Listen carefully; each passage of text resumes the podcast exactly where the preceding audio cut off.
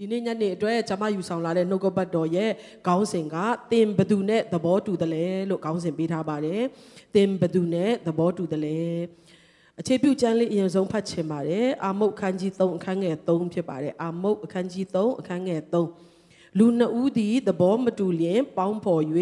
ခยีသွားနိုင်သလောတဲ့နော်ဆိုတော့သဘောတူခြင်းနဲ့ပတ်သက်ရင်ကျမတို့စံစာထဲမှာအများကြီးတွေ့ရမှာဖြစ်တယ်သဘောတူလာပြီဆိုရင် တစ်ယောက်တည်းတည်းနှစ်ယောက်သဘောတူလာရင်ပို့ပြီးတော့အားကြီးတယ်နှစ်ယောက်ထက်ပို့ပြီးတော့များလဲလူတွေသဘောတူလာပြီဆိုရင်အဲ့ဒီသဘောတူခြင်းအလယ်မှာကြီးမားသောအားဆိုတာရှိလာတာဖြစ်တယ်เนาะဒါကြောင့်မိသားစုတွေသဘောတူဖို့အရင်ရေးကြီးတယ်အသင်းတော်တွေသဘောတူဖို့အရင်ကိုအရေးကြီးပါတယ်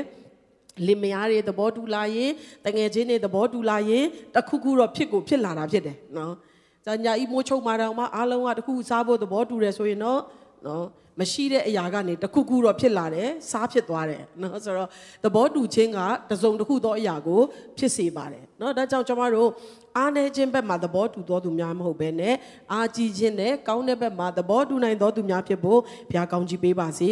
ဒီနေ့အဓိကအနေနဲ့ကျွန်မပြောချင်တဲ့အအကြောင်းအရာလေးကိုဆက်ပြီးတော့တွားရအောင်ဘာလို့လဲဆိုတော့ဒီလမှာဘုရားခင်ကျွန်တော်တို့ကိုပေးထားတဲ့ခေါင်းစဉ်လရဲ့ theme လေးရှိပါတယ်ဒါကတော့တည့်ရဲ့ယုံကြည်ခြင်းအတိုင်းတာအတိုင်းသင်က ကောင်းကြီးခံစားရမယ်လားဖြစ်ပါတယ်เนาะဆိုတော့ယုံကြည်ခြင်းမှာအကျိုးကျေးဇူးဆိုတာရှိကိုရှိတာဖြစ်တယ်ဒါကြောင့်ဒီလမှာကျွန်တော်တို့ရဲ့ယုံကြည်ခြင်းတွေကိုအသက်ပြုစုဖို့လိုတယ်ဟေဘရဲခန်းကြီး7အငယ်6မှာเนาะ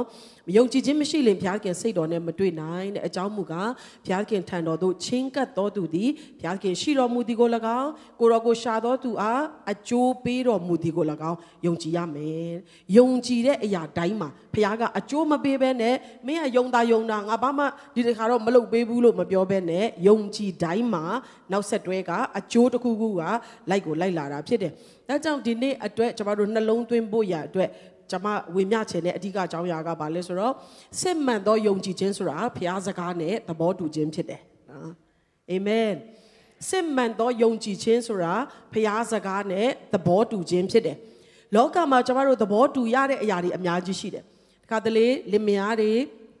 ကိုကမကြိုက်ဘူးအဲကိုသဘောလဲဟိုမကြဘူးကိုလက်ခံတဲ့ဟာလည်းမဟုတ်ဘူးဒါပေမဲ့လင်မယားသဘောတူတဲ့အခြေအနေဖြစ်နိုင်ဖို့ရအတွက် တစ်ဖက်ဖက်က short ပေးလိုက်ရတဲ့အချိန်ညှိနှိုင်းရတဲ့အချိန်ရှိတယ်နော်ဆိုတော့သဘောတူခြင်းအတွက်နော်ဘယ်အရာအတွက်မဆိုကျမတို့က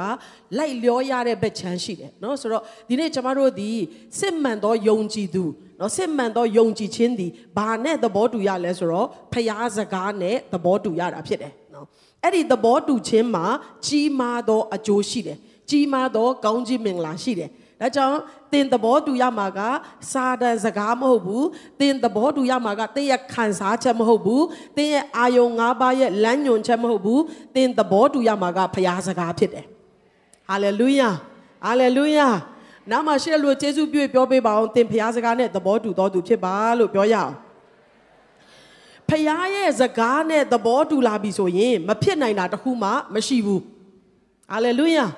ဖះပြောတဲ့အရာကို ဟုတ်ကဲ့လို့သဘောတူလာတဲ့အခါမှာမာရိရဲ့အသက်တာမှာကျမကအပြိုကညာဖြစ်ပါတယ်တဲ့ကလေးရဖို့ဆိုတာမဖြစ်နိုင်ပါဘူးလို့ပြောတယ်ဖခင်ကမဟုတ်ဘူးသင်ဟာမင်္ဂလာရှိတော်သူဖြစ်တယ်သင်အဖေမွေးဖွားမဲ့သူဟာဒီလိုဒီလိုဖြစ်တယ်ပြောတဲ့အခါမှာမာရိကဘာပြောလဲကျွန်ုပ်ကကိုရောရဲ့ကျွန်မဖြစ်ပါတယ်တဲ့ကိုရောရဲ့စကားတိုင်းဖြစ်ပါစေလို့ပြောတဲ့အခါမှာမဖြစ်နိုင်သောအရာကသူ့ရဲ့သက်တာထဲမှာပြည့်စုံလာတယ် ကျမ်းစာထဲမှာကြည်ပါနမိတ်လက္ခဏာကိုမြင်ရတဲ့သူတိုင်းကဘသူနဲ့သဘောတူတဲ့လူလဲဆိုတော့ဖျားနဲ့သဘောတူသောသူများဖြစ်တယ်ဟာလေလုယာဖျားနဲ့လည်းသဘောတူတယ်စာတန်နဲ့လည်းသဘောတူတယ်ဆိုတာမဖြစ်နိုင်ဘူးတစ်ဖက်ဖက်ကိုကျမတို့ကရွေးရမှာဖြစ်တယ်ဒါကြောင့်ဒီနေ့ယုံကြည်သူများ HWC အသင်းတော်မှာဒီနေ့နှုတ်ကပတ်တော်ကိုနားထောင်နေသောသူများကျမတို့ဆုံးဖြတ်ရအောင်ငါဒီနှုတ်ကပတ်တော်နဲ့အစဉ်မြဲသဘောတူသောသူဖြစ်တယ်ဟာလေလုယာဟာလေလုယာ နှုတ်ကပတ်တော်နဲ့သဘောတူသောတည့်ရဲ့အသက်တာမှာတော့ခတ်သိမ်းသောຢာတွေကဖြစ်နိုင်တာဖြစ်တယ်ဒီလဟာကျမတို့နမိတ်လက္ခဏာမြောက်များစွာရရှိခံစားမဲ့လဖြစ်တယ်ကျမတို့ခုနှစ်လရှစ်လစောင့်ခဲ့ပြီးတော့မရခဲ့သေးတဲ့ဒီနှစ်နဲ့ဆိုင်သော2023နဲ့ဆိုင်သောကောင်းကြီးတကားတွေပွင့်မဲ့လကဒီလဖြစ်ပါတယ်ဟာလေလုယာမဖြစ်နိုင်သောຢာတွေဖြစ်လာမဲ့လကဒီလဖြစ်ပါတယ်ဘယ်သူတွေရဲ့အသက်တာမှာလဲလို့ပြောရင်နှုတ်ကပတ်တော်နဲ့သဘောတူသောသူတွေရဲ့အသက်တာမှာ ဒါကြောင့်စာတန်ကအမြဲတမ်းခိုးဖို့တတ်ဖို့ဖျက်ဆီးဖို့လာတဲ့စာတန်ကအမြဲတမ်းကျမတို့ကိုဖျားနဲ့သဘောမတူဘဲနဲ့စာတန်နဲ့သဘောတူဖို့အမြဲတမ်းသွေးဆောင်လေးရှိတယ်ကျမတို့ယုံကြည်သူတွေကတခါတလေစာတန်ကိုတားထင်ကြီးတတ်တယ်နော်စာတန်ကနော်အယံကိုအားကြီးတယ်စာတန်ကဆွဲချတယ်စာတန်ကလှုပ်တယ်ဆိုပြီးတော့နော် ကျမတို့ကသူ့ကိုတအားကို credit ပေးတတ်ကြတယ်တကယ်တော့စာတန်ဒီရှုံးနေတော်သူဖြစ်တယ်စာတန်ကဖျားသားသမီးတွေကိုကြိုက်တယ်လို့အာနာနဲ့ဖြက်စီးလို့မရဘူးလှုပ်လို့မရဘူး तू လှုပ်လို့ရတာဘာလဲဆိုတော့သွေးဆောင်လို့ရတယ်နော်တင့်ကို ဖျားနဲ့သဘောမတူဘဲနဲ့ဖျားစကားပေါ်မှာတန်တရားရှိပြီးတော့သူသွေးဆောင်တဲ့နောက်ကိုလိုက်ပြီးတော့ဖျားစကားတဲ့စာတန်စကားကိုယုံကြည်သောသဘောတူသောသူဖြစ်ဖို့ရန်အတွက်စာတန်ကသူကအယောင်လေးပြပြီးတော့တစ်ချိန်လုံးသွေးဆောင်တယ်နော်အဲ့ဒါကိုကျွန်တော်တို့ကတတိရှိဖို့လိုတယ်ဒီနေ့ယုံကြည်သူများရဲ့အသက်တာသည်ဖျားရဲ့နှုတ်ကပတ်တော်နဲ့နေ့စဉ်သဘောတူသောသူများဖြစ်ရမယ်ဒါဆိုရင်စာတန်ကအမြဲတမ်းရှုံးနေသောသူဖြစ်တယ်ဟာလေလုယာဟာလေလုယာ တင်းရဲ့အသက်တာယုံကြည်သူတယောက်ရဲ့အသက်တာထဲမှာစာတန်ကဘယ်အချိန်မှာအောင်ပွဲခံလို့ရလဲဘယ်အချိန်မှာသူကတင့်ကိုဖျက်ဆီးလို့ရလဲဆိုတော့တင်ကနှုတ်ကပတ်တော်ကိုမဆုပ်ကင်တော့ဘဲနဲ့သူ့ရဲ့လိန်ညာမှုသူ့ရဲ့သွေးဆောင်မှုကိုသဘောတူလိုက်တဲ့အချိန်မှာစာတန်ကကျွန်တော်တို့ဘဝကိုဖျက်ဆီးလို့ရသွားတာဖြစ်တယ်ဒါကြောင့်ယုံကြည်သူများလိမ္မာပါနတ်စွာနဲ့စာတန်ကိုအခွင့်အရေးမပေးသောသူများဖြစ်ကြရအောင်အာမင်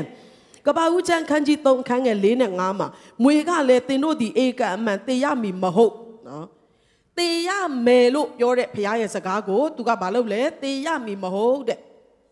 ဒီအရာကိုစားရင်သေမယ်ဘုရားပြောတယ်မွေကမသေဘူးတဲ့နော်လိန်ညာမှုဆိုတာမှန်ကန်သောအရာရဲ့ပြောင်းပြန်တစ်ဖက်မှာပြောခြင်းဖြစ်တယ်အကြောင်းမူကားထိုအသီးကိုစားသောနေ့၌သင်တို့သည်မျက်စိပွင့်လင်းလျက်ကောင်းမကောင်းကိုသိ၍ဘုရားသခင်ကဲ့သို့ဖြစ်ကြလက်တန့်သည်ကိုဘုရားသခင်သိတော်မူသည်ဟုမိမ့်မအားဆို၏ ဆိုတော့ဒီနေရာမှာရွေးချယ်စရာနှစ်ခုဖြစ်လာတယ်ဘုရားကပြောတယ်မစားနဲ့စားရင်သေမယ်စာရန်ကပြောတယ်စားပါစားပေမဲ့မသေးဘူးဖခင်ကသူနဲ့တူလာမှာမို့လို့မင်းတို့ကိုတားတာဖြစ်တယ်လို့ပြောတဲ့အခါမှာဒီအေဝါတို့နော်အာရန်တို့အဖွဲ့ကဘယ်သူနဲ့သဘောတူမလဲဆိုတော့သူတို့ရွေးချယ်ရတော့မှာဆိုတော့စာရန်စကားနဲ့သဘောတူလိုက်တဲ့အတွက်လူမျိုးနွယ်တစ်ခုလုံးကကြဆင်းစရာအကြောင်းဖြစ်သွားတယ်ဒါကြောင့်သင်ဘသူနဲ့သဘောတူတယ်လဲဆိုတာဒါအရေးကြီးတယ်နော် မနဲ့အိယာထလာတာနဲ့ဟာဒီနေ့ကတော့မကောင်းတဲ့နေ့ပဲဒီနေ့ကတော့ငါအတွက်အမင်္ဂလာနေ့ပဲလို့သင်ယုံကြည်တယ်ဆိုရင်သင်ကစာရန်ကိုအခွင့်ပေးခြင်းဖြစ်တယ်နော်မနဲ့မိုးလင်းလာတာနဲ့ဤနေ့ရက်ဒီသာရဖျားစီရင်တော်နေ့ဖြစ်တယ်ဖခင်ငါအတွက်စီရင်မတော့အလုံးစုံပြည့်စုံပြီးသားအလုံးစုံကောင်းပြီးသားဖခင်ကငါ့ကိုပေးတာဖြစ်တယ်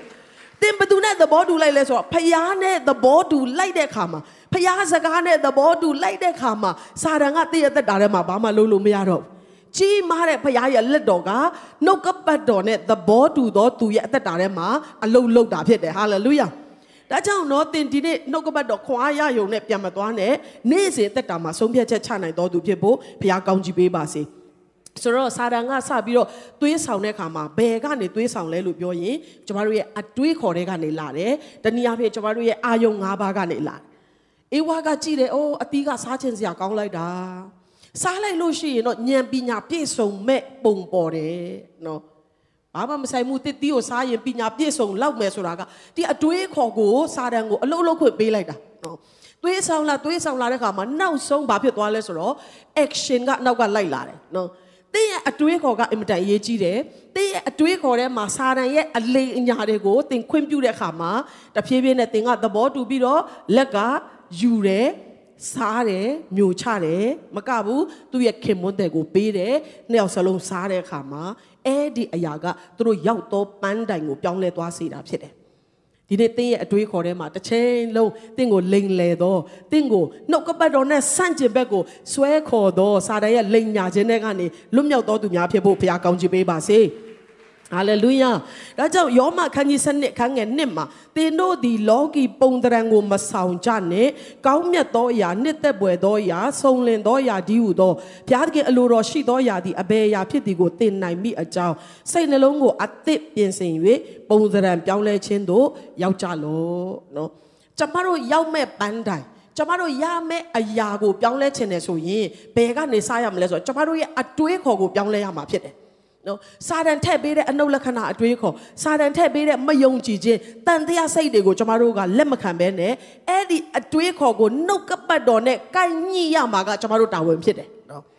ကျမတို့ကအော်မြင်ရတာတော့ဒီလိုပဲခံစားရတာတော့ဒီလိုပဲအချိန်တွေကလည်းဒီလိုပြောနေတယ်ပဝန်းကျင်ကလည်းဒီလိုပဲပြောတယ်ငါတို့ဖေမေတွေလည်းဒီလိုပဲကြုံခဲ့တယ်ဒါပေမဲ့အဲ့ကနေကျမတို့ကအတွေးခေါ်ကိုဆွဲနှုတ်ပြီးတော့ဘာနဲ့ညှိရမလဲဆိုတော့နှုတ်ကပတ်တော်ကဘာပြောတယ်လဲဆိုတာနဲ့ပြန်ညှိရမှာဖြစ်တယ်ဟာလေလုယာ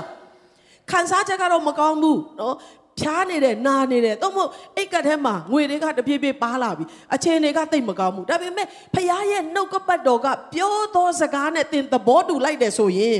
ဘလောက်ပဲတင်ရောက်နေတဲ့နေရာကမောင်မိုက်ပါစေဘလောက်ပဲနှိမ်ကြပါစေဘလောက်ပဲပျက်စီးပါစေဘလောက်ပဲအနှုတ်လက္ခဏာတွေရှိပါစေအဲ့ဒီအခြေအနေဟာတမဟုတ်ချင်းပြောင်းလဲနိုင်တာဖြစ်တယ်ဟာလေလုယာ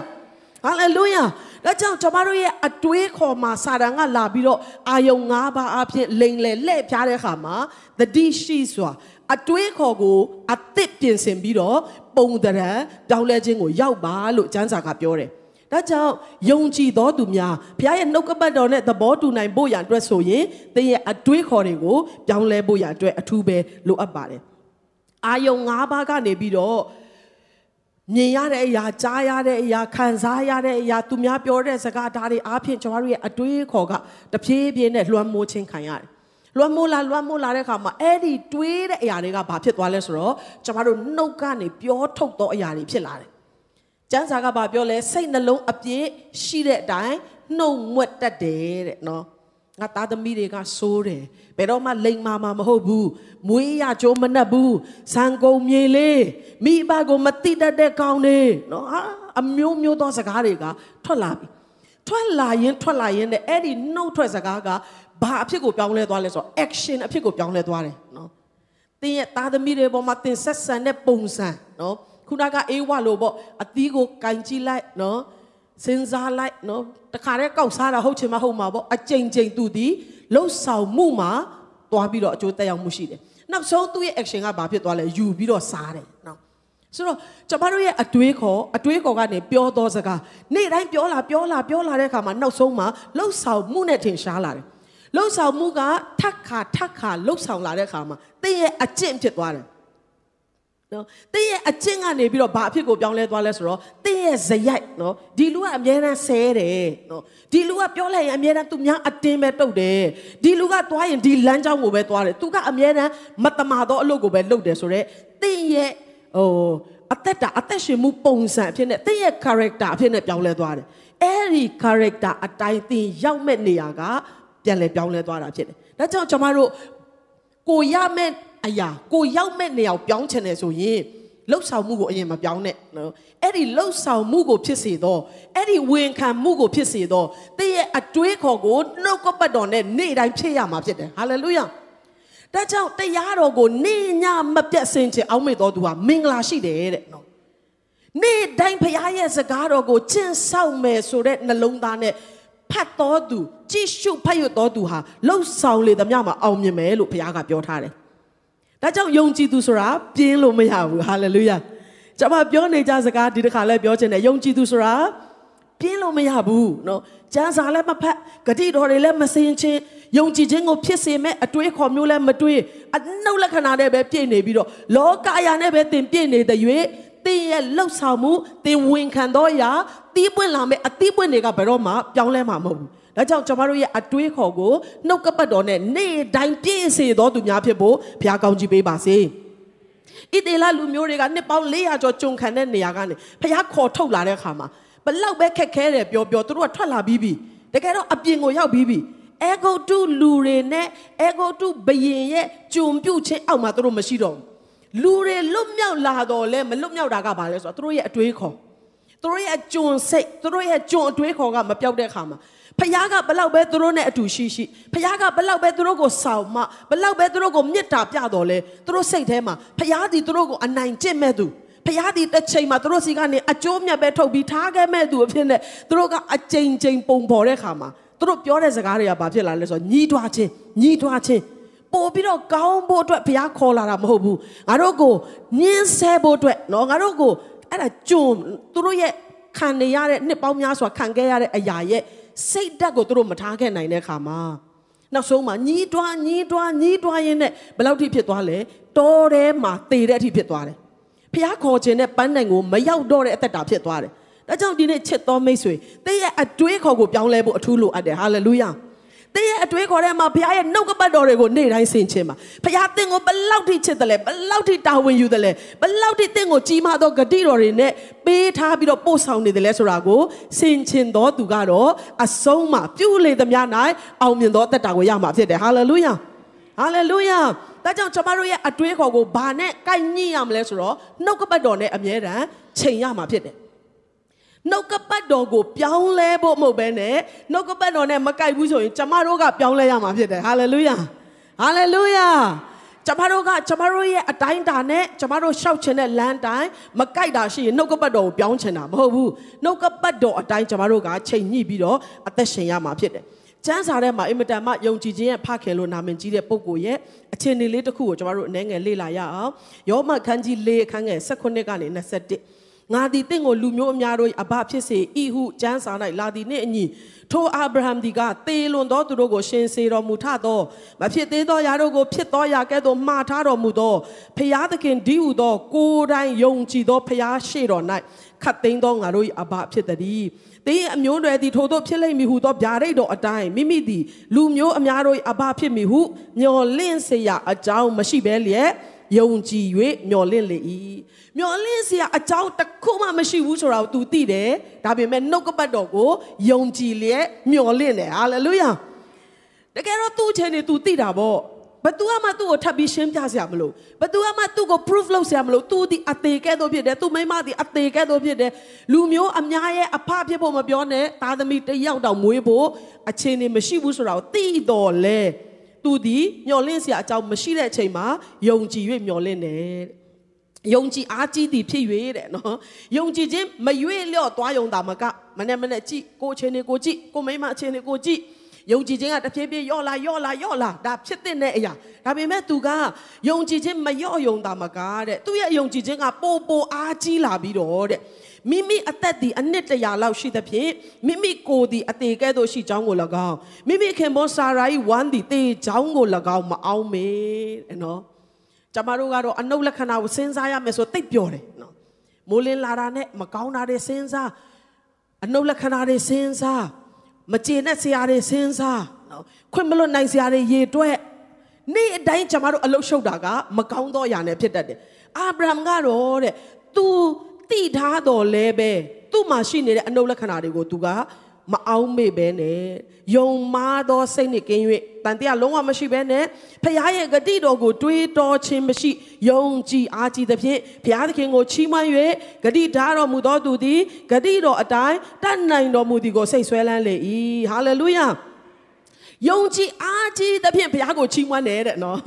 ကလေးရမှချီးမွမ်းတာမဟုတ်ဘူး သူကဘလောက်ယုံကြည်တယ်လဲဆိုတော့သားသမီးမရခင်မှာရဖို့မျော်လင့်စရာအကြောင်းမရှိတဲ့အချိန်မှာယုံကြည်အားကြီးလွန်းတဲ့အတွက်သူ့ရဲ့အခြေအနေကိုလည်း तू မကြည့်တော့ဘူး။ तू မိမအခြေအနေကိုလည်း तू မအောင်မေတော့ဘူး။ तू ရဲ့ယုံကြည်ခြင်းကချီးမွမ်းခြင်းကိုဖြစ်စေတယ်။ဟာလေလုယာ။ဟာလေလုယာဒီနေ့ယုံကြည်တော်သူများမြင်နေရတဲ့ကောင်းကြီးအတွက်ပင်လေကျွန်တော်တို့မချီးမွမ်းနိုင်ဘူးတကယ်တော့ စစ်မှန်သောယုံကြည်သူရဲ့အသက်တာဒီဖျားပြုမဲ့အရာများအတွက်ချီးမွမ်းတတ်သောအသက်တာဖြစ်တယ်နော်ဆိုတော့ဒီမှာကျွန်မတချို့သောနှုတ်ကပတ်တော်တွေကတချို့သောအကြောင်းအရာတွေကိုကျွန်မကြည့်ပြီးတော့ခွန်အားယူတာနော်ရှမာရိမြို့ကိုရန်သူတွေဝိုင်းထားတယ်ဝိုင်းထားတာအရန်ကြာပြီးတော့သူတို့ကိုအစားတောက်တွေအားလုံးဖြတ်တောက်လိုက်တဲ့အခါမှာကြာလာတဲ့အခါမှာကျွန်တော်တို့သိတဲ့အတိုင်းပဲဘလောက်တိအခြေအနေဆိုးလဲဆိုတော့ကိုမွေးထားတဲ့သားသမီးကိုပြုတ်ပြီးတော့စားရတဲ့အထိအခြေအနေဆိုးတယ် နားမှာရှင်းလို့ပြောပါအောင်သင်ကအဲ့လောက်အခြေအနေမဆိုးသေးပါဘူးလို့ပြောရဘလောက်ဝမ်းနည်းစရာကောင်းလဲနော်သားသမီးကိုမွေးထားတာနော်မျော်လင့်ပြီးတော့ချစ်ပြီးတော့ကိုစားမဲ့ဟာတော့ကြွေးရမဲ့အခြေအနေကနေပြီးတော့သူတို့ကိုတတ်ပြီးတော့စားတဲ့အဆင့်ထိရောက်သွားတယ်အခြေအနေကရမ်းဆိုးတယ်နောက်ဆုံးလူတွေအားလုံးဟာစားစရာကုန်ပြီးတော့တေဖို့ပဲရှိတော့တယ်ဘယင်ကြီးကိုသွားပြောတော့ဘယင်ကြီးကလည်းဘာမှမတတ်နိုင်ဘူးသူ့ရဲ့ဘယင်ဝစ်လုံကိုသူကချွတ်ပြီးတော့ ရှော့တေအဝတ်ကိုဝစ်လက်သူလည်းဖျားရှိမှငိုကြွေးတယ်နောက်ဆုံးအတူနဲ့ပြောရမယ်ဆိုရင်ဖျားသခင်ရဲ့စကားတော်ရောက်လာတယ်ဟာလေလုယာဟာလေလုယာဘယ်လောက်ပဲအခြေအနေဆိုးပါစေဖျားစကားရောက်လာပြီဆိုအဲ့ဒါသင်လွတ်မြောက်မဲ့လမ်းဖြစ်တယ်အာမင်ဟာလေလုယာ အရန်ချင်းနေဆိုးတယ်ရှင်ဘရင်လည်းမတတ်နိုင်ဘူးတယောက်နဲ့တယောက်မကူနိုင်မကယ်နိုင်ဘူးသားသမီးတွေတတ်စားလို့ကုန်ရင်ကိုယ့်ဟာနဲ့ကိုယ်သေဖို့ပဲကြံတော့တယ်ဒါပေမဲ့အဲ့ဒီအချိန်မှာအေလိရှဲစီမှာထာဝရဘုရားရဲ့စကားတော်ရောက်လာပြီးတော့တဲ့ထာဝရဘုရားမိန်တော်မူသည်ကားတဲ့အေလိရှဲက ဘုရားစကားကိုနားထောင်ကြနားထောင်ကြဘုရားစကားရောက်လာပြီတဲ့ဘုရားကပြောတယ်နက်ပြန်နေ့ယခုအချိန်ရောက်လင်ဂျုံမုံညက်တစ်စိတ်ကိုငွေတစ်ချက်မူယောဆန်တကွဲကိုတစ်ချက်နဲ့ရှမာရိမြို့တကားဝါ၌ရောင်းရလိမ့်မည်တဲ့မြင်းကောင်းတစ်လုံး80ကနေပြီးတော့မနက်ပြန်မနက်ပြန်24နာရီအတွင်းမှာကြီးမားသောနမိတ်လက္ခဏာဖြစ်မယ်ဆိုတဲ့ဘုရားစကားရောက်လာတဲ့အခါမှာတဲ့တချို့ကတော့ယုံကြည်ကြတာပေါ့နော်တချို့ကတော့သဘောတူကြတာပေါ့ဒါပေမဲ့သဘောမတူတော့သူတယောက်ရှိနေတယ် ဒါကရှင်ဘီရဲ့မိချင်းကိုခံရတော့အမတ်ကဟာဒါကတော့မဖြစ်နိုင်ဘူးတဲ့ဘုရားခင်ကမိုးကောင်းကင်တကားတွေအကုန်လုံးဖွင့်ပြီးတော့လှုပ်တယ်ဆိုရင်တော့ဖြစ်ကောင်းဖြစ်နိုင်လိမ့်မယ်ဆိုပြီးတော့သူကတန်တရစကားကိုပြောလာတယ်မိုးကောင်းကင်ပရင်ပေါက်တို့ကိုဖွင့်လှစ်တော်မူလေထို့တို့ဖြစ်နိုင်ကောင်းသည်ဟုဘုရားခင်ဤလူအားဆိုတော့ဘုရားခင်လူကတင်ဒီကိုမျက်စိနဲ့မြင်ရတော့လဲမစားရဟုပြန်ပြော၏သဘောတူခြင်းနဲ့သဘောမတူခြင်းကအယံကွာတယ်နော် ဖျားစကားတော့ရောက်လာပြီလက်တွေ့ကြလားဆိုတော့မကြဘူးအချိန်နဲ့ကိုက်ညီလားဆိုတော့မကိုက်ညီဘူးဒါပေမဲ့ကျွန်တော်တို့နားလည်ထားရမှာကအချိန်နေကြည့်ပြီးဖျားကစကားပြောတာမဟုတ်ဘဲနဲ့ဖျားပြောသောစကားအတိုင်းအချိန်တွေကပြောင်းလဲပေးရတာဖြစ်တယ်ဟာလေလုယာဟာလေလုယာကျမတို့ကဖြစ်နိုင်ခြေကိုတားတွက်ကြတယ်နော်ကျမတို့အုံနောက်သေးသေးလေးနဲ့ဟာဖြစ်နိုင်တယ်မဖြစ်နိုင်ဘူးဒီလောက်ဆိုတော့ရလောက်တယ်ဒီလောက်ကြီးကတော့မဖြစ်လောက်တော့ဘူးဆိုပြီးတော့တွက်ချက်ကြတယ် အမကြီးကလည်းစဉ်းစားတယ်အာဒါတော့မဖြစ်နိုင်ဘူးမင်းပြောတော့မနဲ့ပြန်ပို့ဆိုး24နာရီတွင်းမှာလုံးဝမဖြစ်နိုင်ဘူးပြောတဲ့အခါမှာသူဒီမြင်ပဲမြင်ရပြီးတော့မစားရတော့တက်တာဖြစ်သွားတယ်နူနာတဲ့၄ယောက်ရဲ့အသက်တာကိုဘုရားခင်သုံးပြီးတော့ကြီးမားသောအောင်မြင်ခြင်းကိုသူတို့ကိုပေးလာတဲ့အခါမှာစားစရာတောက်စရာတွေသူတို့အားရပါရစားရတော့မြို့ဖြစ်လာတယ်မနေ့ကပိုက်ဟောင်းလောက်ဘာစားရမလဲဆိုတာလုံးဝမျောလင့်ချက်မရှိတော့တဲ့ဘဝကနေယနေ့စားစရာ ပွဲတော်တည်တဲ့ဘဝကိုရောက်သွားတယ်လူတွေကအလွတ်ရဲ့ယူပြီးတော့နော်ဟာရန်သူတွေရဲ့ဥစ္စာတွေငါတို့သွားပြီးတော့တင်းအောင်စားစရာတွေအများများတယ်လို့ပြောတယ်တမျိုးလုံးထွက်ပြီးတော့စားတာရှင်ဘရင်မိခြင်းကိုခံရသောပုဂ္ဂိုလ်ဖျားစကားနဲ့သဘောမတူသောသူကတော့လူတွေနင်းပြီးတော့သူကသေတယ်တဲ့နော်စားစရာတွေရောက်လာပြီဆိုတဲ့သတင်းတော့ကြားလိုက်ရတယ်သူကမစားလိုက်ရဘူးဒီနေ့ကျွန်တော်တို့အသက်တာထဲမှာဖျားစကားနဲ့သဘောတူရအောင်ဟာလေလုယာတင်းရဲ့အကြိုက်နဲ့ကြိုက်ကြိုက်မကြိုက်ကြိုက် တင်စင်ချေဘလောက်ပဲပေးเสียရှိရှိဖခင်ပြောတယ်ဆိုရင်ဟုတ်ကဲ့ကိုတော်လို့ပြောရအောင်ဟာလေလုယာဟာလေလုယာကိုတော်တလောက်ခက်ခဲတဲ့ကာလမှာတလောက်ဆုပ်ရတဲ့ကာလမှာဒါတော့မဖြစ်နိုင်ဘူးလို့ပြောတဲ့သူကကျွန်တော်တို့မဖြစ်ဖို့လိုတယ်ဟာလေလုယာတခါမှယေရှုရဲ့တပည့်တော်တွေကလှည့်စည်းပြီးတော့သွားတဲ့ချိန်မှာလိုက်နေထန်လာတဲ့အတွက်ကျွန်တော်တို့အားလုံးသိတဲ့ဇက်လန် အော်သူတို့ကြောက်လန့်နေတဲ့ချိန်မှာရေပေါ်မှာပုပ်ကိုတယောက်ကလမ်းလျှောက်လာတယ်ဟာတစေတရေများလားလို့သူတို့ကြောက်တဲ့ချိန်မှာယေရှုကမကြောက်ကြနဲ့တဲ့ငါပင်ဖြစ်တယ်တဲ့နော်အဲ့ဒီချိန်မှာလေပေါ်မှာပေတရုတယောက်တည်းမဟုတ်ဘူးတပည့်တော်တွေရှိတယ်ဒါပေမဲ့ပေတရုကဘာပြောလဲကိုတော့အခုလာတော့သူကကျွန်တော်သခင်မှန်တယ်ဆိုရင်ကျွန်တော်လည်းကိုတော့လို့ရှောက်ချင်တယ်လို့ပြောတဲ့အခါမှာယေရှုကမင်းရှာရှည်တယ်ငါကဖျားသားမို့လို့လို့မပြောဘူးနော်ယေရှုကဘာပြောလဲလမ်းခဲလောလို့ပြောလိုက်တယ်နော်တခွန်းလည်းပဲ ပေတရုကဘာလုပ်လဲအဲ့ဒီလာခဲ့ပါဆိုတဲ့ဖျားစကားနဲ့သဘောတူလိုက်တဲ့အခါမှာရေပေါ်မှာလူကလမ်းမလျှောက်နိုင်တော့လဲတဘာဝလုံးအဖြစ်ပြက်ကဘယ်ချိန်မှာနေရာယူလာလဲလို့ပြောရင်ဖျားစကားနဲ့သဘောတူတဲ့အချိန်မှာဟာလေလုယာဟာလေလုယာ ဟာလေလုယာ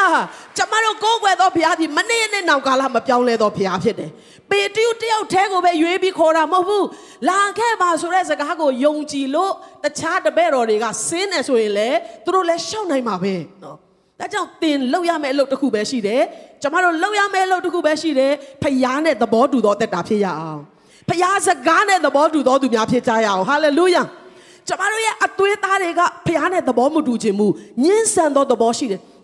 ဖခင်ကပြောပေမဲ့ဒါကအခြေအနေကမဖြစ်နိုင်ဘူးဖခင်ကပြောပေမဲ့နေ့ယောက်ျားဘယ်တော့မှပြောင်းလဲမှာမဟုတ်ဘူးဖခင်ကပြောပေမဲ့နေ့အနာယောဂါကပျောက်ဖို့တအားခက်ခဲလိမ့်မယ်စာတန်ကကျမတို့ကိုအသွေးအသားကိုအမိပြုတ်ပြီးတော့ဖခင်နဲ့သဘောမတူအောင်အမြဲတမ်းသွေးဆောင်ပါလိမ့်မယ်အဲ့ဒီအချိန်မှာသဘောမတူနိုင်တဲ့အရာတွေအားလုံးကိုသင်ကခါချပြီးတော့ငါသခင်ကပြောတဲ့အတွက်ဟာလေလုယာငါဖခင်ကပြောတဲ့အတွက်ဖြစ်နိုင်တယ်ဆိုတဲ့ဘက်မှာသင်ယက်တည်လိုက်တာ ਨੇ ဖခင်ရဲ့တတ်နိုင်ခြင်းကသင်အတွက်ဖြစ်လာမယ်ဟာလေလုယာဟာလေလုယာ 38နှစ်လုံးလုံးအနာရောဂါဆွဲပြီးတော့ဘေသေဒရအိုင်နာမှာရှိနေသောပုဂ္ဂိုလ်ဒီသူစောင့်နေတာတခုပဲရှိတယ်ရေကန်ကိုကောင်းကင်ထဲမှာလာလှုပ်တဲ့အခါမှာသူဒီခုံဆင်းပြီးတော့ပထမဦးဆုံးခုံဆင်းမိတော်သူဖြစ်တယ်ဆိုရင်သူအနာရောဂါပျောက်မယ်38နှစ်လုံးလုံးသူစောင့်တယ်38နှစ်ဆိုတာနဲတဲ့ကာလမဟုတ်ဘူးသူ့ရဲ့အားတွေနဲလာမယ်နော်လမ်းမလျှောက်တာကြာတဲ့အတွက်သူ့ရဲ့ခြေထောက်တွေပိန်လီလာမယ်သူ့ရဲ့ခန္ဓာကိုယ်ကအားနေခြင်းအပြည့်ပဲ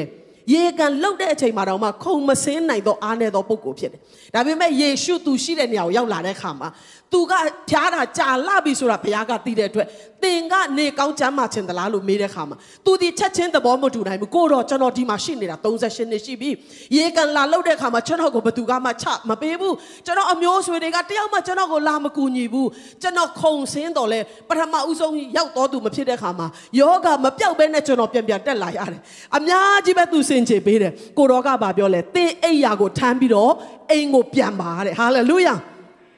ဒီလူရဲ့အတွေးခေါ်ထဲမှာစဉ်းစားစရာအများကြီးရှိမှာပဲကိုတော့ကျွန်တော်အခြေအနေကိုတော့မသိဘူးလား38နှစ်နော်3နှစ်မဟုတ်ဘူး7နှစ်မဟုတ်ဘူးသို့တော်လေဖျားစကားရောက်လာတဲ့ခါမှာသူ့ရဲ့အတွေးခေါ်ကိုသူပြောင်းလဲလိုက်ပြီးတော့ကိုတော့ပြောတဲ့အတွက်ဆိုပြီးမတ်တက်ရက်လာတဲ့ခါမှာသူဒီအိယာ तू အိတ်ခဲ့တဲ့38နှစ်အိတ်ခဲ့တဲ့အိယာကိုထမ်းပြီးပြန်နိုင်တော့သူဖြစ်ခွင့်ရတာကဖျားစကားနဲ့သဘောတူလို့ဖြစ်တယ်ဟာလေလုယာဟာလေလုယာ မဖြစ်နိုင်တဲ့ຢာတွေကိုမဖြစ်နိုင်တဲ့အချိန်မှာဖြစ်စေနိုင်သောဘုရားရဲ့စကားနဲ့သဘောတူတော်သူဖြစ်ဖို့အထူးပဲလိုအပ်ပါတယ်ဟာလေလုယာဟာလေလုယာဒီလိုကာလမျိုးမှာမင်းအလုပ်ရဖို့မဖြစ်နိုင်ဘူးမင်းကဆယ်တန်းတောင်မအောင်ဘူးမင်းကပညာမပြည့်စုံဘူးကိုတော့ဘုရားတည်တတ်ဆွမ်းနိုင်တော်ဘုရားဖြစ်ပါတယ်ဟာလေလုယာ ဟာလေလုယာတင်းရဲ့အနာယောဂါကဘလောက်ပဲအခြေအနေဆိုးပါစေမပြောင်းလဲနိုင်တော့ဘုရားရဲ့နှုတ်ကပတ်တော်ကပြောတယ်ဒဏ်ချက်တော်အပြင်ငါတို့ဒီအနာပြောက်လျက်ရှိတယ်လို့ပြောတဲ့အတွက်သင်ဟာယောဂါမရှိတော်သူဖြစ်တယ်ဟာလေလုယာအနာယောဂါငြိမ်းတော်သူဖြစ်တယ်ဟာလေလုယာ ဟာလေလုယာလူတွေကသင်ကိုကြည့်ပြီးတော့ကိုကိုကိုကြည့်ပြီးတော့သင်ဟာအားနေတော်သူဖြစ်တယ်မတန့်ရှင်းနိုင်တော်သူဖြစ်တယ်အလိုတော်ကိုမဆောင်နိုင်တော်သူဖြစ်တယ်သင်ကအားနေတော်သူဖြစ်တယ်လို့စာတန်ကလည်းပြောမယ်သင်ရဲ့အသွေးသားကလည်းပြောမယ်သင်ရဲ့အာယုံ၅ပါးကလည်းပြောမယ်ဒါပေမဲ့ဘုရားကပြောလဲငါကိုခွန်အားနဲ့ပြည့်စုံစေတော်မူသောခရစ်တော်အပြင်ခတ်သိမ်းသောအမှုတော်ကိုငါတတ်ဆွမ်းနိုင်တယ်ဟာလေလုယာဖခင်ရဲ့စကားနဲ့သဘောတူတော်သူများလက်ခုပ်တီးလက်ထိုးရများကိုအတည်ပြုကြရအောင် နှုတ်ကပတ်တော်ကကျမ်းမာပြီလို့ပြောရင်ကျမတို့ကကျမ်းမာတော်သူတွေဖြစ်တယ်နှုတ်ကပတ်တော်ကသင်ဟာဖြောင့်မတ်တော်သူဖြစ်တယ်လို့ပြောရင်ဘယ်သူကမှသင်ကိုအပြစ်တင်လို့မရဘူးဟာလေလုယာသင်ဟာဖြောင့်မတ်တော်သူဖြစ်တယ်ဘာကြောင့်လဲကျမ်းစာကပြောလို့ဖြစ်တယ်အပြစ်မရှိတဲ့ဘုရားရဲ့သားတော်ယေရှုကသင်ရဲ့အပြစ်အတွက်လက်ဝါးကားတဲ့ပေါ်မှာအသွေးသွင်းပြီးသွားပြီသူကအပြစ်ရှိလို့ခံရတာမဟုတ်ဘူးငါရဲ့အပြစ်တွေအားလုံးအတွက်သူကကိုစားအသေးခံခဲ့တာဖြစ်တယ် သူသွန်းတဲ့အသွေးဟာငါရဲ့အဖြစ်တဲ့အားလုံးကိုဆေးကြောပြီးသွားပြီငါဟာတန့်ရှင်းတော်သူဖြစ်တယ်လို့ယုံကြည်တော်သူတိုင်းကကဲ့တင်ခြင်းကိုရတယ်အချိန်မှာပလင်းတော်ရှေ့မှာတရားစီရင်မဲ့ချိန်မှာစာတန်ကတင့်ကိုလက်ညှိုးထိုးလိုက်မယ်အာ तू ကနော်အာကေကေမောကလေဘယ်လိုဘယ်လို तू ကစိတ်ဓာတ်ရမ်းပုတ်တာအမလေးဟိုနေရာမှာဒီလိုမားတာနော်လူတွေမှာအားနေချက်တွေအများကြီးရှိတယ်စာတန်ကလက်ညှိုးထိုးလိုက်မယ်စရင်ပြုစုလိုက်မယ်ဒါပေမဲ့ခရစ်တော်က သူ့ကိုယုံကြည်တော်သူကလွတ်ချင်းခွင့်ရတယ်လို့ပြောတဲ့အတွက်ကျမတို့အတွက်မတ်တရက်ပေးမှာကခရစ်တော်ကိုယ်တိုင်ဖြစ်တယ်ဟာလေလုယာဟာလေလုယာဟာလေလုယာဒါကြောင့်သင်ရဲ့ခံစားချက်ကပြောလာတာနဲ့နှုတ်ကပတ်တော်နဲ့မကိုက်ညီဘူးဆိုရင်ခံစားချက်ကိုထားခဲ့ပြီးတော့နှုတ်ကပတ်တော်နဲ့သဘောတူပါဟာလေလုယာ တင်းရဲ့အခြေအနေကဖခင်ရဲ့ဂတိတော်နဲ့ပြောင်းပြန်ဖြစ်နေတယ်ဆိုရင်တင်းရဲ့အခြေအနေကိုခဏထားခဲ့ပြီးတော့ဖခင်ရဲ့စကားနဲ့သဘောတူပါကြီးမားသောကောင်းခြင်းမင်္ဂလာအဲ့ထဲမှာရှိတာဖြစ်တယ်။တပါဝလွန်ဖြစ်ပြတဲ့ကအဲ့ဒီနေရာမှာဖြစ်လာတာဖြစ်တယ်။တရှို၁၂ယောက်ကိုမောရှေကလွတ်လိုက်တယ်။ခါနန်ပြည်ကိုသွားပြီးတော့စူဆန်ကြပါ။ဖခင်သခင်ပေးတဲ့ပြည်ဖြစ်တယ်တဲ့။နိုးနဲ့ပြားရဲ့စီးသောပြည်ဖြစ်တယ်။ငါတို့အတွက်ကောင်းခြင်းမင်္ဂလာရှိသောပြည်ဖြစ်တယ်။သွားကြည့်ကြ။ဆယ်ယောက်ကပြန်လာတယ်။အိုးသူတို့တွေက အနကမျိုးတွေဖြစ်တယ်။သူတို့ကအရန်ကြီးတယ်။အသီးနှံတွေလည်းကြီးတယ်။လူတွေလည်းကြီးတယ်။ငါတို့နိုင်နိုင်စရာမရှိဘူး။သူတို့အမြင်မှာငါတို့ကနန်ကောင်ကဲ့သို့ဖြစ်တယ်တဲ့။သူတို့အမြင်မှာအဲ့ဒါပြီးသူတို့ဗာဆက်ပြောလဲဆိုတော့ငါတို့ကိုယ်တိုင်ကလည်းတကယ်ပဲနန်ကောင်းနေဖြစ်ကြတယ်တဲ့ကြည့်တော့သူတို့ရဲ့အတွေးခေါ်ကိုနှုတ်ကပတ်တော်နဲ့မကိုက်ညီတဲ့ခါမှာသူတို့ဒီဝင်ခံတော်ရာတွေပြောင်းလဲလာသွားပြီးမသိနေငါတို့နိုင်စရာအကြောင်းမရှိဘူးတဲ့ အဲ့ချိန်မှာယောရှုနဲ့ကာလဘကမတည့်ရလာတယ်ဟဲ့မယုံကြည်ခြင်းအဖြစ်ဘုရားကိုမပုံကန်ကြနဲ့တဲ့ဘုရားကငါတို့အတွက်စားစရာဖြစ်တယ်လို့ပြောတဲ့အတွက်သူတို့ဒီငါတို့ရဲ့စားစရာဖြစ်တယ်တဲ့ဟာလေလုယာဟာလေလုယာလူတွေအရန်ကြီးတယ်ရန်သူတွေအရန်ကြီးတယ်စားစရာလို့ပြင်တယ်ဆိုရင်ရန်သူကြီးလေလေဘိုက်ဝလေးလေပေါ့ဟာလေလုယာဟာလေလုယာတင်းရဲ့ပြဿနာအားလုံးကိုအရေးပြောစေနိုင်တော်ဖရားတင်းရဲ့အခြေအနေအားလုံးကိုပြောင်းပြန်လှန်နိုင်တော်ဖရားရဲ့စကားနဲ့သဘောတူတော်သူများဖြစ်ကြရအောင်အာမင် စာငတ်ကလေးတွေတောင်မှတဲ့မြေပေါ်ကိုအချင်းကြီးမကြားရဘူးတဲ့ငါဖန်ဆင်းထားသောလူသားတွေစားဖို့ဝတ်ဖို့အတွက်နေဖို့အတွက်လိုအပ်တယ်ဆိုတာကောင်းကင်မှာရှိတဲ့အဖကသိတယ်ဒါကြောင့်မစိုးရိမ်နဲ့လို့ဘုရားကပြောတယ်ဟာလေလုယာဒါကြောင့်သင်ဟာနှုတ်ကပတ်တော်နဲ့သဘောတူသောသူဖြစ်တဲ့ဆိုရင်စားဖို့တောက်ဖို့မရှိသေးရင်တောင်မှသင်ရဲ့ငွေကြေးတွေကယော့ပါနေရင်တောင်မှဂတိထားတော်မူသောဘုရားကိုယုံကြည်လက်သင်ကစိတ်ချနိုင်မှာဖြစ်တယ်ဟာလေလုယာ ဟာလေလုယာငွေကြေးတွေအများကြီးရှိလို့စိတ်ချရတာမဟုတ်ဘူးဘုရားရဲ့ဂတိတော်ကြောင့်ကျွန်တော်တို့ကစိတ်ချဆိုအသက်ရှင်နိုင်တာဖြစ်တယ်ယောဂမရှိလို့ကျွန်တော်တို့ကျမ်းမာနေတာမဟုတ်ဘူးဖခင်ရဲ့ဂတိတော်ကနေ့အချိန်မှာညအချိန်မှာတင့်ကိုငါကွယ်ကာထားတယ်ဆိုတဲ့ဖခင်ရဲ့ဂတိတော်ကြောင့်ကျွန်တော်တို့ကလုံခြုံလက်ကျမ်းမာနေတာဖြစ်တယ်ဟာလေလုယာဟာလေလုယာအချင်းနဲ့မဆိုင်ဘူးဖခင်ရဲ့စကားနဲ့ပဲကျွန်တော်တို့ကသဘောတူရမှာဖြစ်တယ်နော် တချို့သောသူတွေအတွက်စာတန်ကမင်းရဲ့အတိတ်ကဒီလိုဖြစ်တယ်ဒါကြောင့်မင်းရဲ့အနာဂတ်ကဘယ်တော့မှလှပတော့မှာမဟုတ်ဘူးလို့လိန်ညာထားသောသူတချို့ရှိကောင်းရှိလိမ့်မယ်ဣသေလလူမျိုးတွေကိုဖခင်ကပတ်တခါသိုးတငယ်ကိုတတ်ပြီးအောင်မြင်ခြင်းနဲ့ခေါ်ထုတ်တဲ့နေ့မှာဖခင်ပါပြောလဲဒီနေ့ကစမင်းတို့ရဲ့ပြက်ကလေးအသစ်ဖြစ်ရမယ်တဲ့ဟာလေလုယာဟာလေလုယာဘဝတစ်ခုလုံးကိုတမိုင်းတစ်ခုလုံးကိုအစကနေပြန်စပေးနိုင်တာအဆုံးတတ်နိုင်တာကဘုရားသခင်တပါးတည်းပဲဖြစ်တယ်ဟာလေလုယာ ဒါကြောင့်သင်ရဲ့အတိတ်မှာစိုးဝါတဲ့အိမ်မက်တွေစိုးရွားတဲ့ပြန်တော့မှလက်မကြည့်ချင်နဲ့ပြန်တော့မတွေးချင်နဲ့သင်ရဲ့အတိတ်သမိုင်းဆိုရှိတယ်ဆိုရင်ဒီနေ့ယေရှုနာမနဲ့ယုံကြည်ဝင်ခံပေးပါတယ်ဘုရားခင်ကသင်ကိုပြက်ကြတဲ့အသစ်နဲ့ခေါ်ဆောင်နိုင်တော်ဘုရားဖြစ်တယ်ကျွန်မတို့ကိုးကွယ်သောဘုရားဒီအလဖာနဲ့အိုမေဂါဘုရားဖြစ်တယ်သူကဒါအဆုံးလို့ပြောရင်အရာအလုံးကအဆုံးတတ်ရတာဖြစ်တယ်ဒီမှာအသစ်ပြန်စပြီးလို့သူကသတ်မှတ်တာနဲ့အရာအလုံးကအသစ်ပြန်စရတာဖြစ်တယ်ဟာလေလုယာလက်ခုပ်တီးလက်ထိုးဘုရားကိုချီးမွမ်းရအောင်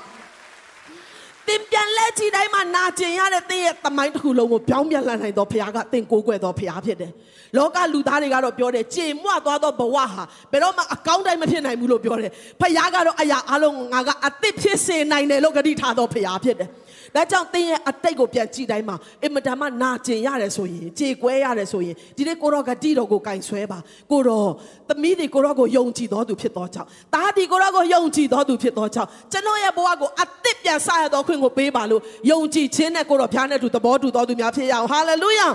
ဟာလေလုယာဟေရှာယ53အခန်းငယ်18 19မှာဖြစ်ဘူးသောအမှုတို့ကိုမအောင်မေ့ကြနဲ့ရှေးကာလဤအရာတို့ကိုပမာဏမပြုကြနဲ့ ကြည့်ရှုလောအမှုတစ်ကိုငါပြုမိဟာလေလုယာယခုပေါ်လာလိမ့်မည်သင်တို့ဒီအမှန်သိမြင်အားကြလိမ့်မည်အကယ်စင်စစ်တော၌လမ်းကို၎င်းလွင်ပြင်၌စီးသောရေကို၎င်းငါဖန်ဆင်းမယ်ဟာလေလုယာ အမှုတစ်ကိုပြုမယ်လို့ပြောတဲ့ဘုရားနဲ့သဘောတူပါ။သင်ရဲ့မိသားစုထဲမှာဟောင်းတော်ရတဲ့အားလုံးချုပ်ငိမ့်ပြီးတော့အမှုတစ်တွေပြုရမယ့်လကဒီလဖြစ်ပါတယ်။ဟာလေလုယာ။ပြောင်းလဲခြင်းတွေကစတင်ပြီးတော့နေရာယူနေပါပြီ။ဟောင်းနွမ်းနေတော့သင်ကိုယ်တိုင်တော့မှမလို့ချင်တော့တဲ့ဘဝကအဆုံးသတ်ပြီးတော့ကိုတော်ပြုမဲ့အမှုတစ်တွေနဲ့ရှောက်လန်းရမယ်လကဒီလဖြစ်တယ်လို့သဘောတူသောမိသားစုတိုင်းမှာအမှုတစ်တွေမြင်ရဖို့ဘုရားကောင်းချီးပေးပါစေ။ဟေရှာယ40အခန်းငယ်6မှာ အရင်ဟောသောအရာတို့သည်ဖြစ်ကြပြီတဲ့အသစ်သောအရာတို့ကိုယခုငါဟော၏မပေါ်လာမီသင်အားငါပြနှင့်၏တဲ့နော်ဖခင်ကလေဖန်ဆင်းရှင်ဖခင်ဖြစ်တဲ့ခါမှာသူလုံးမဲ့အမှုရာများကိုမဖြစ်ခင်မှာကျမတို့ကိုပြောတာအဲ့ဒါဖခင်စကားနော်လူတွေကဖြစ်မှယုံတာယုံကြည်ခြင်းဆိုတာမဖြစ်သေးသောအရာတို့ကိုမျှော်လင့်ခြင်းနော် ဖြစ်လာမယ်လို့ဘုရားပြောတော်ရာများကိုတိမှတ်ဆွဲလန်းခြင်းဖြစ်တဲ့အတွက်ယုံကြည်သူဆိုတာမြင်ရမှယုံတာမဟုတ်ဘဲနဲ့ဘုရားကပြောပြီးဆိုရင်ပြောတဲ့အတိုင်းပြည့်စုံမယ်လို့ယုံကြည်ရတာဖြစ်တယ်ဒါကြောင့်ကိုတော်ကဗာပြောလဲအရင်ဟောင်းတော်ရာတွေကဖြစ်ပြီးသွားပြီအသစ်တော်ရာတွေကိုအခုငါဟောတယ်မပေါ်လာမီသင်တို့အားငါပြနှင့်တယ်တဲ့ဟာလေလုယာ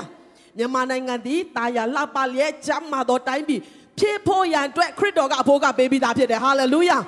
မဖြစ်လာသေးဘူးသို့တော်လည်းယုံကြည်လက်မျှော်လင့်လက်ကျွန်တော်တို့ရှိကြတယ်မကြခင်မှာမြင်ရမှာဖြစ်တယ်ဟာလေလုယာသင်ရဲ့မိသားစုထဲမှာဘယ်တော့မှမပြောင်းလဲနိုင်ဘူးလို့ထင်ရတဲ့မိသားစုဝင်တွေမူရစေဝါရဲ့ကြေးကျွန်ဖြစ်နေသောသားသမီးတွေမပြောင်းလဲနိုင်ဘူးကဲတင်ချင်းပဲတော့မှရမှာမဟုတ်ဘူးလို့လူတွေသတ်မှတ်ထားတဲ့သင်ရဲ့သားသမီးတွေပြောင်းလဲလာတော့မှဖြစ်တယ်ဟာလေလုယာဘာကြောင့်လဲလို့ပြောရင်သင်ယုံကြည်လေသင်ရဲ့အိမ်သူအိမ်သားကဲတင်ချင်းရမယ်လို့ဘုရားဂတိပေးထားတယ်ဟာလေလုယာဟာလေလုယာ